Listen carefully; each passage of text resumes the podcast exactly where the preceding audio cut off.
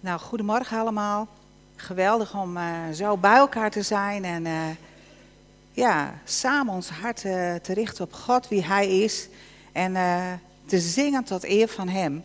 En nou, ik heb een heel mooi thema op aarde zoals in de hemel. Nou, het zijn natuurlijk hele bekende woorden, woorden uit het Onze Vader. En uh, ik vond het heel mooi, Sibylle heeft hele mooie liederen uh, gekozen die ook al zo gingen over uh, God van hemel en aarde. De kracht van Gods koninkrijk die er is en die komt. En we hebben net het Onze Vader ook al gezongen. We gaan het aan het einde van de dienst ook samen bidden. Maar ik wil jullie vragen, we gaan nog een keer luisteren naar het lied Onze Vader. En uh, nou, ik zou zeggen, stel je hart gewoon open om te horen wat daarin uh, staat. De woorden die de Heer Jezus ons leerde. Uw naam worden geheiligd, uw koninkrijk komen in de hemel zoals ook op aarde. Onze Vader die in de hemelen zijt, uw naam worden geheiligd, uw koninkrijk komen, uw wil geschieden, zoals in de hemel ook op de aarde. En in de nieuwe Bijbelvertaling staat onze Vader in de hemel, laat uw naam geheiligd worden. Laat uw koninkrijk komen en uw wil gedaan worden op aarde zoals in de hemel. En in de Bijbel in de gewone taal staat het zo. Onze Vader in de hemel, laat iedereen u eren. Laat uw nieuwe wereld komen. Laat op aarde uw wil gedaan worden. Net zo als dat in de hemel gebeurt. Op de aarde, zoals in de hemel. Hemel op aarde leven. God wil ons geven vanuit Hemzelf. God wil vanuit de hemel zijn heerlijkheid, zijn kracht, zijn leven aan ons geven. Er is op dit moment weer een televisieprogramma uh, wat uh, draait en dat heet uh, Nederland van boven. En ik vind het zelf heel mooi, want je kijkt naar Nederland op een andere manier. Je kijkt van boven op de dingen neer en dan ziet het er opeens heel anders uit. En dat is ook zo als je vanuit de hemel, vanuit God naar de dingen gaat kijken in je leven. Dan zijn dingen die voor jou zo belangrijk zijn, die kunnen zo anders worden. Die kunnen zo nietig worden. Als je ziet wie God is in zijn kracht, in zijn heerlijkheid. In de Bijbel staat: zoek eerst het koninkrijk van God. Al het andere zal je bovendien gegeven worden. Dat is de uitdaging voor ons. Dat we eerst Gods koninkrijk zoeken. Dat we ons richten op wie Hij is en wat Hij wil geven. En dan gaan de dingen om je heen gaan veranderen. Nou, ik wil uh, eerst een stukje lezen uit uh, Efeziërs. En ik lees dat ook uit de Bijbel in de gewone taal. Efeziërs 1, uh, vers 3 tot 5. Daarin lezen we welke positie God ons gegeven heeft. Alle eer aan God de Vader van onze Heer Jezus Christus. Hij heeft ons vanuit de hemel gezegend, want Hij heeft ons de Heilige Geest gegeven, omdat we bij Christus horen. Al voordat de wereld gemaakt werd, koos God ons uit om bij Christus te horen. Daardoor kunnen wij als heilige en volmaakte mensen voor Gods troon staan. God houdt van ons. Daarom heeft Hij ons uitgekozen om Zijn kinderen te zijn. Hij heeft Jezus Christus naar de wereld gestuurd om ons bij Hem te brengen. Dat is wat God wilde. Zo'n geweldig stuk wat hierin staat. Al voor de grondlegging van de wereld. Al voordat God de wereld maakte was het Gods verlangen en Gods plan dat we bij Hem zouden horen. En Hij kende ons al. In ons denken is dat niet te begrijpen, maar God kende ons al. Hij wist wie we zouden zijn en Hij wil een relatie met ons. Dat wilde Hij toen al. En al voor de zondeval er was, had God met zijn zoon een plan bedacht om uh, die relatie mogelijk te maken. Om redding te gaan brengen plan dat de Heer Jezus zou komen uh, en zijn leven zou geven. We hebben het net herdacht en gevierd dat hij is opgestaan. En daarom mogen wij nu bij God horen. Het vind ook zo mooi wat hier staat. Uh, wij kunnen als heilige en volmaakte mensen voor Gods troon staan. Niet om ons, niet om wat wij gedaan hebben, maar om het offer van de Heer Jezus. En als God naar ons kijkt, dan ziet hij zijn zoon, die, die voor jou geleden heeft, die ziet hij staan. En daarom mag je heilig en volmaakt zijn. Niet om je eigen leven, maar om het offer van de Heer Jezus. Die de relatie met God mogelijk maakt. We zijn daarom vrij van zonde. We zijn vrij. En we mogen leven in de vrijheid die God ons geeft. En God is betrokken bij ons. Dat is zo bijzonder. God is een God van zo dichtbij. Een God van heel dichtbij. En we lezen in het gedeelte ook dat God ons vanuit de hemel wil zegenen. God wil volop aan ons geven. En daarom heeft hij zijn uh, heilige geest gegeven. En de heilige geest die woont in ons. Die woont in ons en die is in ons en die blijft in ons. En die is er altijd met kracht, met heerlijkheid, met vrede, met hoop met liefde. Vanuit de hemel wil God aan ons allen geven door de Heilige Geest. Wij zijn in Christus. We horen bij God. We zijn voor 100% geaccepteerd. Daar hoeven we niets aan toe te voegen. Want God zegt, in mijn zoon houd ik van je, ben je volmaakt en mag je bij mij horen. Daar hoef je niets aan toe te voegen. Ik vind dat zelf zo'n wonder. Ik heb zo lang gedacht, als ik maar goed mijn best doe, dan gaat God meer van mij houden.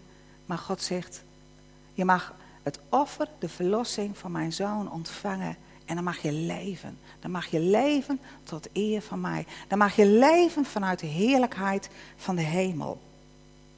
Nou, dat staat in, het volgende stukje in Efeziërs 1 vanaf vers 6. God heeft laten zien dat hij goed voor ons is. Hij stuurde Christus naar ons toe, zijn zoon, van wie hij zoveel houdt. Hij liet Christus voor ons sterven. Zo groot was Gods goedheid voor ons.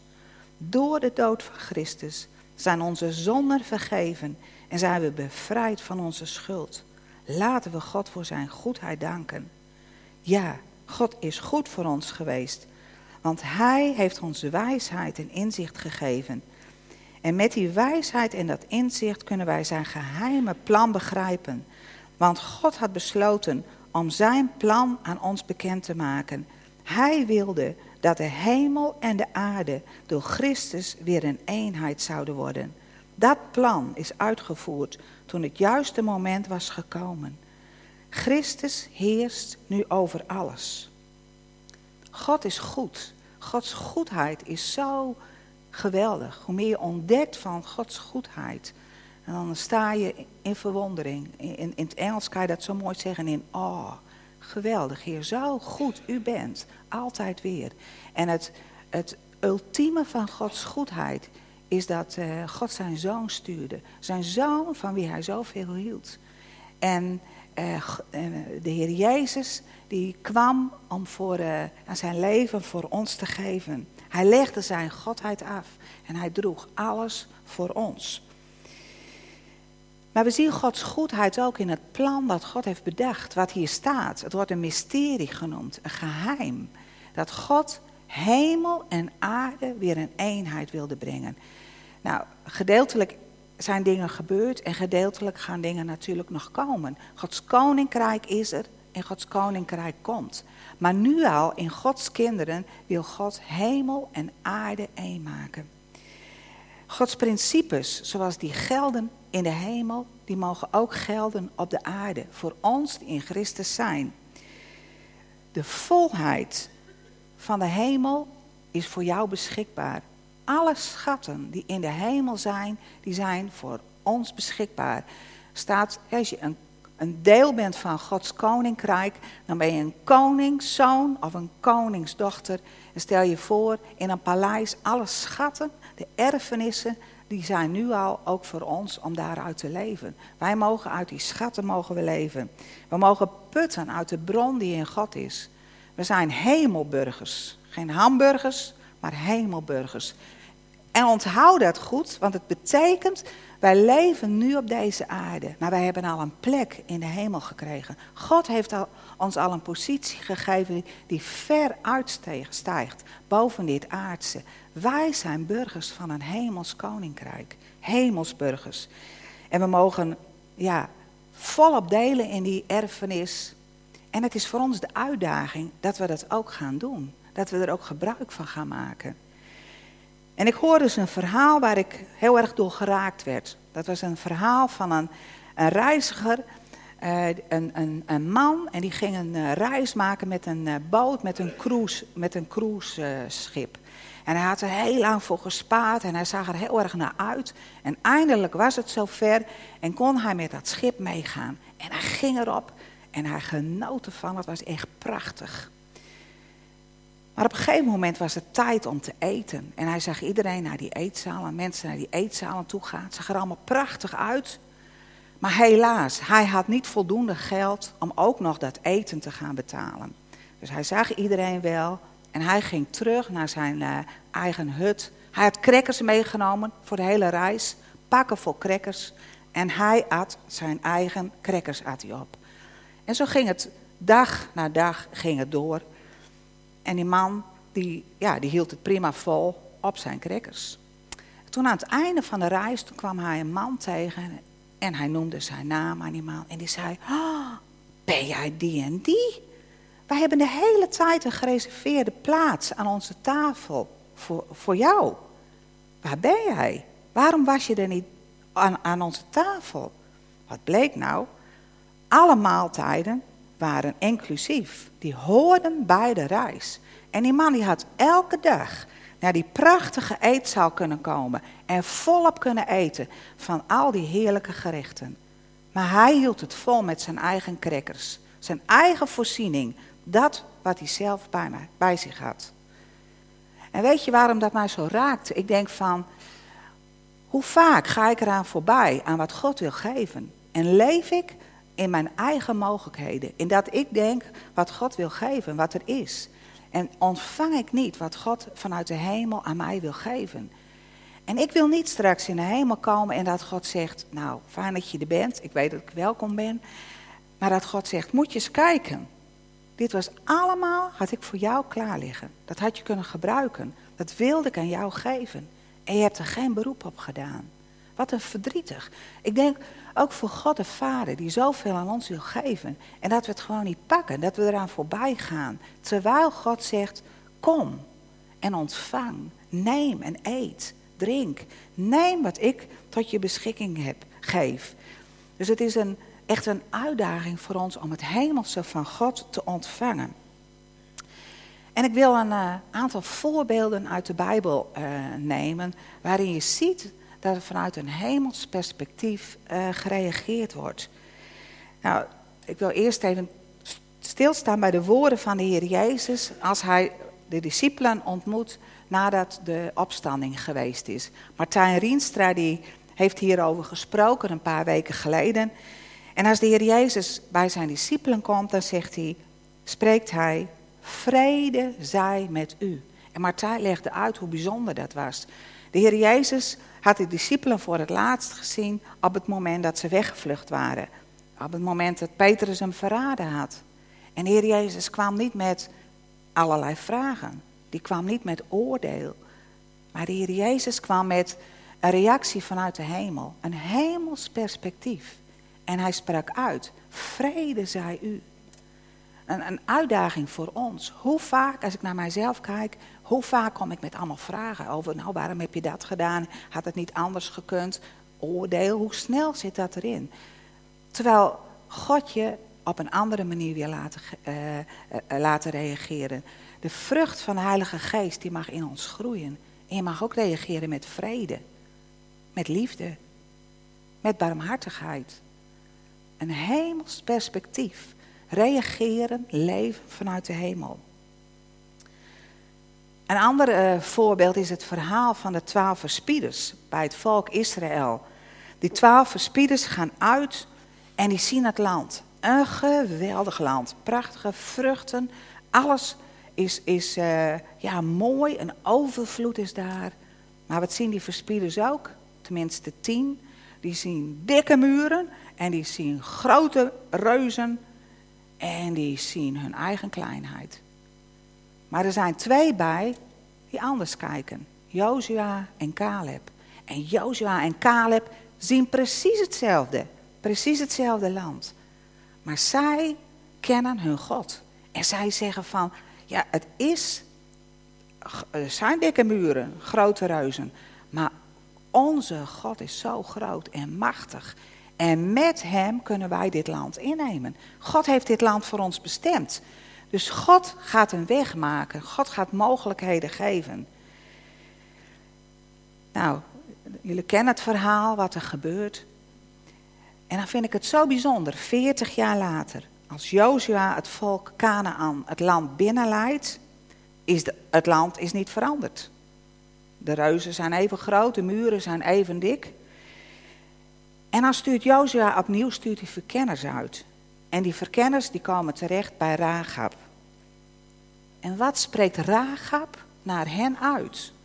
Zij zegt, ik weet dat de Heere u dit land gegeven heeft. En dat er schrik voor u op ons gevallen is.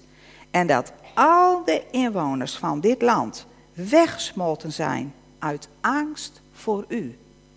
Wat een profetische woorden van Rahab. Een volk dat God niet kent. Een volk wat niet bij God hoort. Die is onder de indruk van Gods grootheid, van Gods almacht, van Gods kracht.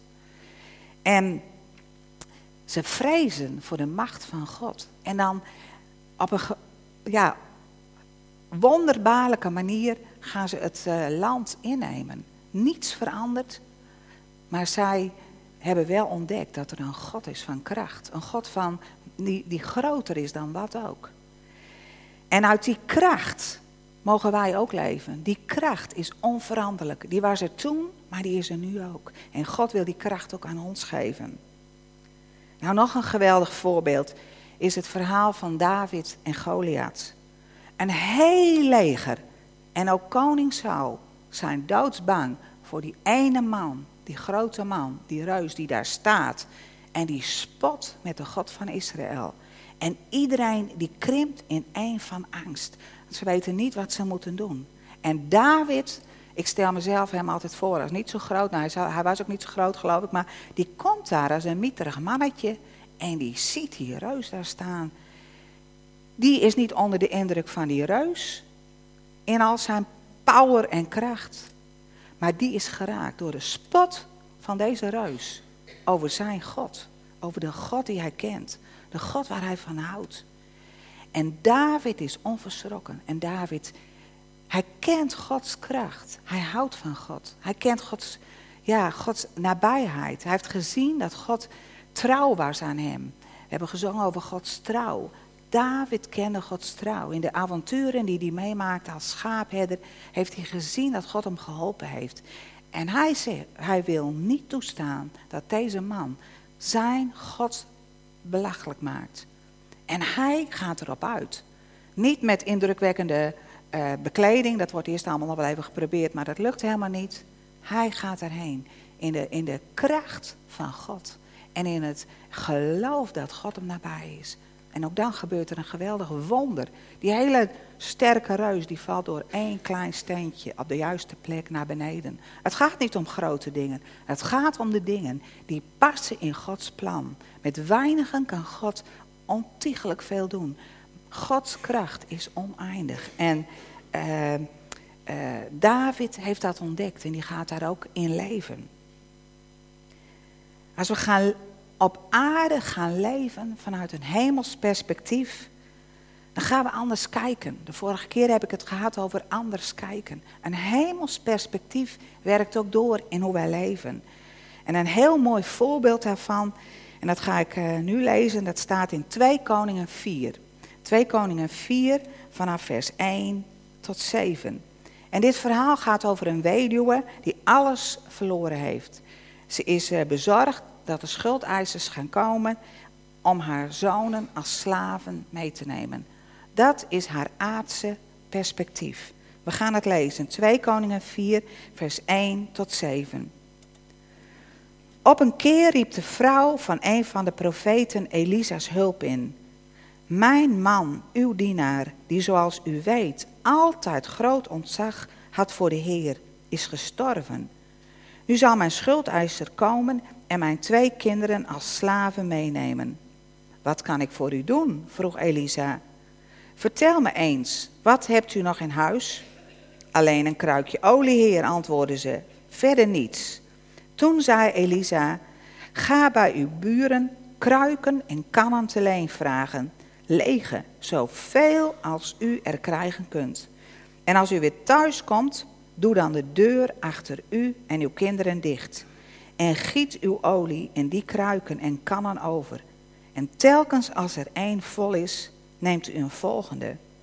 En thuisgekomen sloot de vrouw de deur achter zich, terwijl haar kinderen haar de kruiken en kannen één voor één aangaven, goot ze de olie over. En toen ze allemaal vol waren en ze haar zoon vroeg haar de volgende aan te geven, antwoordde hij: Er zijn er geen meer. Toen hield de olie op te vloeien.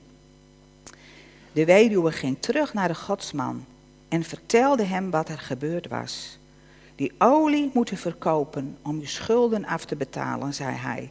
En van wat er overblijft kunnen u en uw kinderen leven. Nou, deze vrouw roept uit naar Elisa om hulp. En dan vraagt hij haar, wat heb je in huis? Wat heb je nog wel? En uh, hij is op zoek naar iets wat geruild kan worden voor Gods voorziening. Want Elisa wil een hemels perspectief in deze situatie brengen. En de weduwe antwoordt, ik heb niks dan dit hele kleine kruikje met olie. Dat is alles wat ik heb. Nou, en dan antwoordt e- e- Elisa haar, ga naar je buren, ga naar de mensen om je heen en verzamel zoveel vaten en kruiken als je maar verzamelen kunt. En let wel, lege kruiken. En dat gaat ze doen. En je leest dit zo gemakkelijk. Wat zo bijzonder is, zij doet wat Elisa tegen haar zegt. En ze denkt niet, hm, klein kruikje. Ik zie maar naar mijn buren gaan zeg. En dan zeg ik van, uh, hebben jullie ook eh, kruiken voor mij? Want ik moet heel veel kruiken hebben. Nou, waarvoor? En haar kinderen moeten het ook doen. Waarvoor? Ja, dat weet ik ook nog niet. Maar ik, ik ga wel de hele straat af en ik moet die lege kruiken hebben. Zij doet wat Elia, Elisa zegt. Zij doet wat hij tegen haar zegt. En als ze thuis komt, moet ze de deur dicht doen, moet ze de deur sluiten. En dan de olie gaan gieten. En dan gebeurt er een geweldig wonder. Dat kleine kuikje, moet je je voorstellen, heeft ze die hele grote kruik. Nou, dan kijk je ernaar en dan schenkt ze. En ze blijft maar schenken en schenken. En die hele kruik wordt vol met olie. En ze zegt tegen haar zoon de volgende. En die giet hij ook helemaal vol. En nog één. En nog één. Wat een wonder gebeurt daar in dat kleine huisje. Al die lege kannen, die worden gevuld met, die, met dat kleine kruikje. De een naar de andere kruik. Totdat alle kruiken vol zijn. En meer is er niet. En met die olie kan ze haar schuld betalen. Hoeven haar zonen niet weg. Hoeven haar zonen niet verkocht te worden als slaven. En ze heeft genoeg geld. Het is niet alleen voldoende voor dat moment dat haar zonen niet verkocht hoeven te worden, maar ze heeft ook voldoende om van te leven. Het is bijzonder wat hier staat.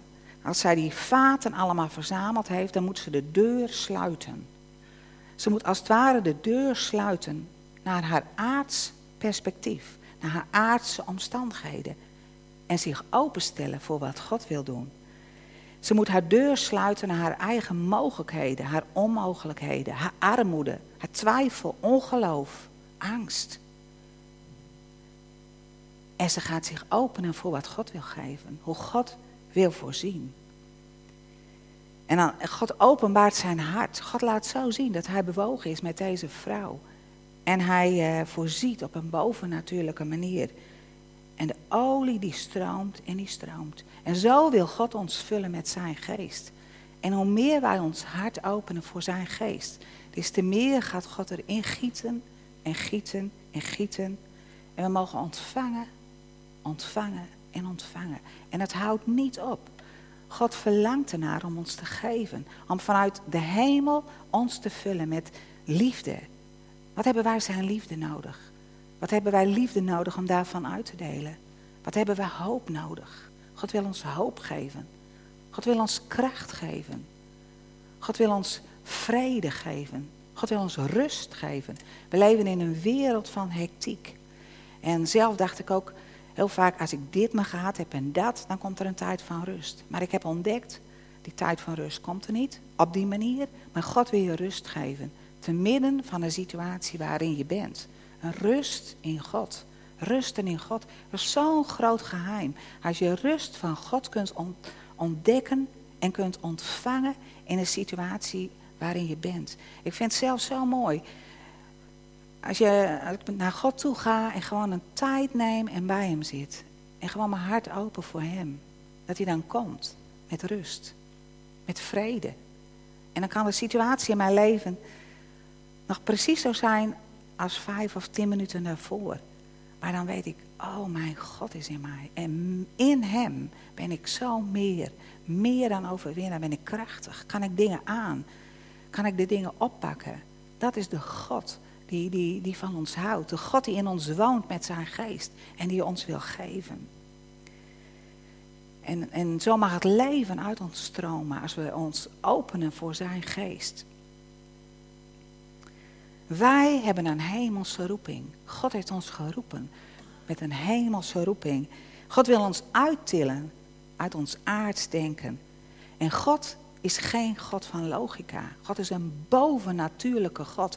God kan boven natuurwetten, elke logica aan ons eigen verstand kan God te buiten gaan.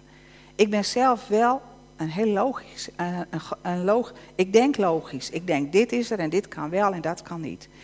En weet je, daar kan, ik, kan je jezelf heel erg mee beperken. Want je denkt die dingen die jij denkt die mogelijk zijn. En daar kan je jezelf door vastzetten. Kan je mensen om, om je heen, kun je daarmee vastzetten. Maar ik ben aan het leren om niet meer in mijn eigen mogelijkheden te denken. Ik heb een geweldig jaarthema voor dit jaar. Ik kies altijd een jaarthema. En voor dit jaar is mijn thema All is possible. Alles is mogelijk. Bij God is alles mogelijk. Er is niets wat onmogelijk is.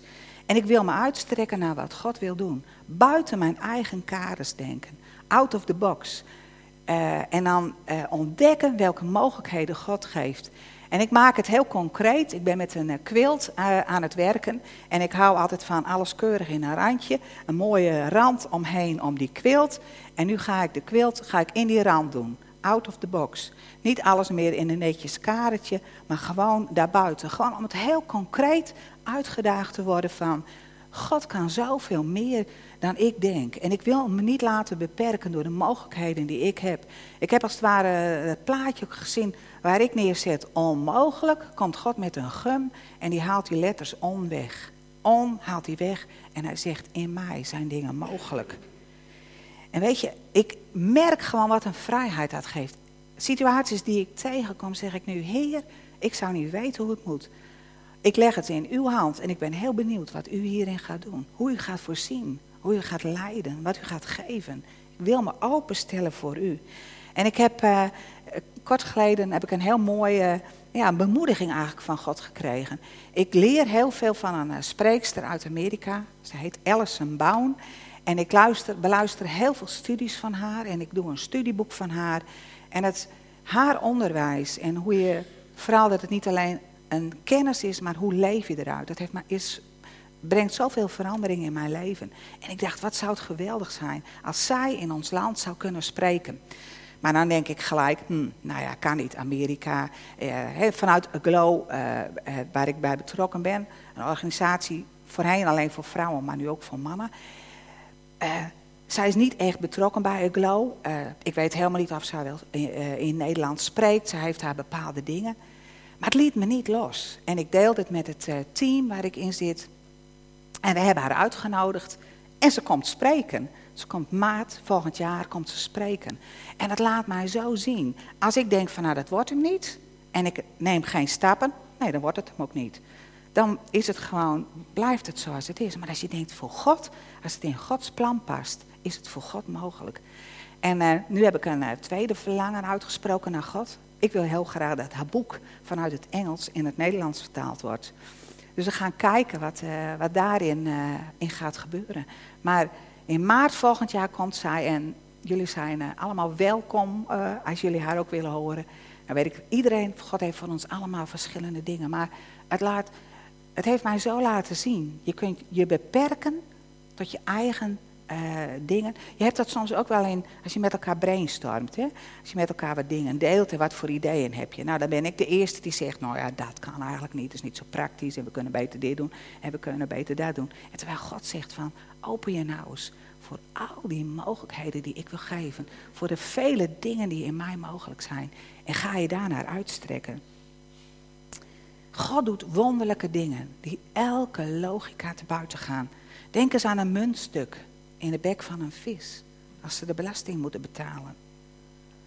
Jezus zegt, gooi het net aan de andere kant. Ja, denken die discipelen, dat is de verkeerde kant. Dat weet elke, elke goede visser, die weet dat dat niet werkt. Maar ze doen het. En een geweldige visvangst. De netten kunnen het haast niet houden. Zeven keer om een stad heen lopen. Bij Jericho. Ah, en moet je je voorstellen. Dat is het land eh, waar de Israëlieten niet in durfden gaan. Waarvoor mensen gedood zijn en in de woestijn 40 jaar rondgetrokken hebben. En dan komen ze daar in een Kanaan. En dan gaan ze niet in eigen kracht allerlei dingen doen. Maar ze moeten om die stad heen lopen. En wat een wonder. Wij lezen het. Zomaar. Mooi verhaal. Maar moet je voorstellen dat je daar loopt. Dag na dag. Je stilhouden. Maar wat denk je niet allemaal? En dan die zevende dag. Wat een gejuich en overwinning. En die hele dikke muren vallen. Wonder vanuit God. Machtig leger van Gideon. Wordt teruggebracht naar een handje vol. En met dat kleine handje vol overwinning over de Midianieten. Ook daar hebben die soldaten een droom. En die zeggen, ja, dat is het leger van Gideon, die gaat ons vernietigen. Nou, dat leger van Gideon stelt niet veel voor. Maar de God van Gideon, dat is de God van kracht. Die God is niet veranderd. Die God is nu nog precies dezelfde. En God geeft ons een manier van denken zonder limiet. Ons denken hoeft geen limiet te hebben. The sky is the limit. In God is alles mogelijk. In, in Efeze 3, vers 20 staat: Gods macht is oneindig groot. Hij kan alles doen wat wij hem vragen of waar wij aan denken. En zelfs nog veel meer. Zijn macht is nu al in ons aan het werk. Meer denken dan wij kunnen beseffen. Een hemels denken en een hemelse verwachting. Out of the box. Buiten de kaders denken verwachten. Misschien ben je teleurgesteld en verwacht je het niet meer van God. Breng het bij God en, en roep opnieuw uit dat je vanuit de hemel ontvangt. En we gaan allemaal door dingen heen. We leven in een wereld vol gebrokenheid, vol zonde. Dat heeft deel, we hebben deel daaraan. Maar God wil daarin bij ons zijn. En Hij wil uit de hemel ons vullen met kracht, met heerlijkheid, met vrede. Hij wil ons dragen. Hij wil ons ja, een, een zicht geven wat zoveel groter is dan ons eigen denken van onder en af. Hij wil ons naar de dingen laten kijken vanuit zijn perspectief. We mogen innemen wat God ons wil geven. We mogen de schatten die God voor ons ter beschikking heeft, die mogen we volop gebruiken. En het gaat er niet om in ons leven als christen dat we ons steeds beter gaan gedragen. Ik heb dat lang gedacht dat ik goed mijn best moest doen. Zo werd ik ben ik opgegroeid en dan zijn mijn moeder grote meid en mijn vader ook. De dingen goed deed, dan was het best. Zo kijkt God niet naar ons. God houdt van ons en God verlangt ernaar. Niet dat wij beter ons best doen en een goed gedrag vertonen, maar dat wij ons openen voor Hem. En dat wij leven vanuit de kracht, het leven wat Hij aan ons wil geven. Dat zijn principes vanuit de hemel ook door ons heen werken op deze aarde. En dan kun je een verschil maken, daar waar jij bent. In de situatie waar je woont, waar je werkt, in je gezin, in je, in je relatie, in je, in je stad. Ik moest er vanmorgen zo aan denken, in Drachten kunnen wij verschil maken. Omdat wij de principes van de hemel door mogen geven. En dan gaat het niet om met hoeveel wij zijn. God kan door één persoon geweldige dingen doen. Als je de principes, de kracht vanuit de Heilige Geest door jou heen werkt.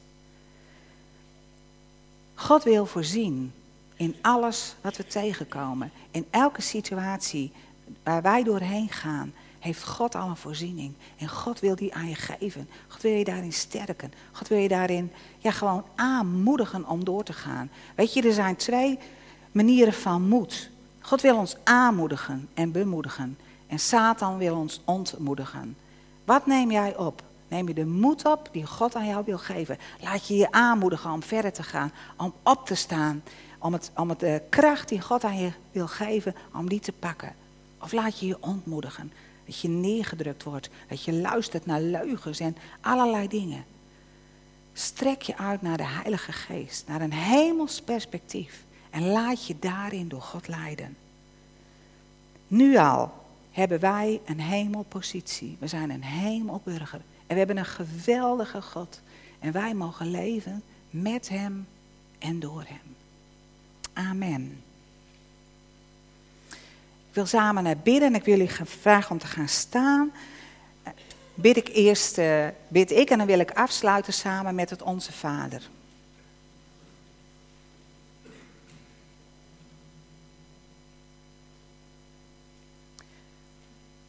Dank u wel.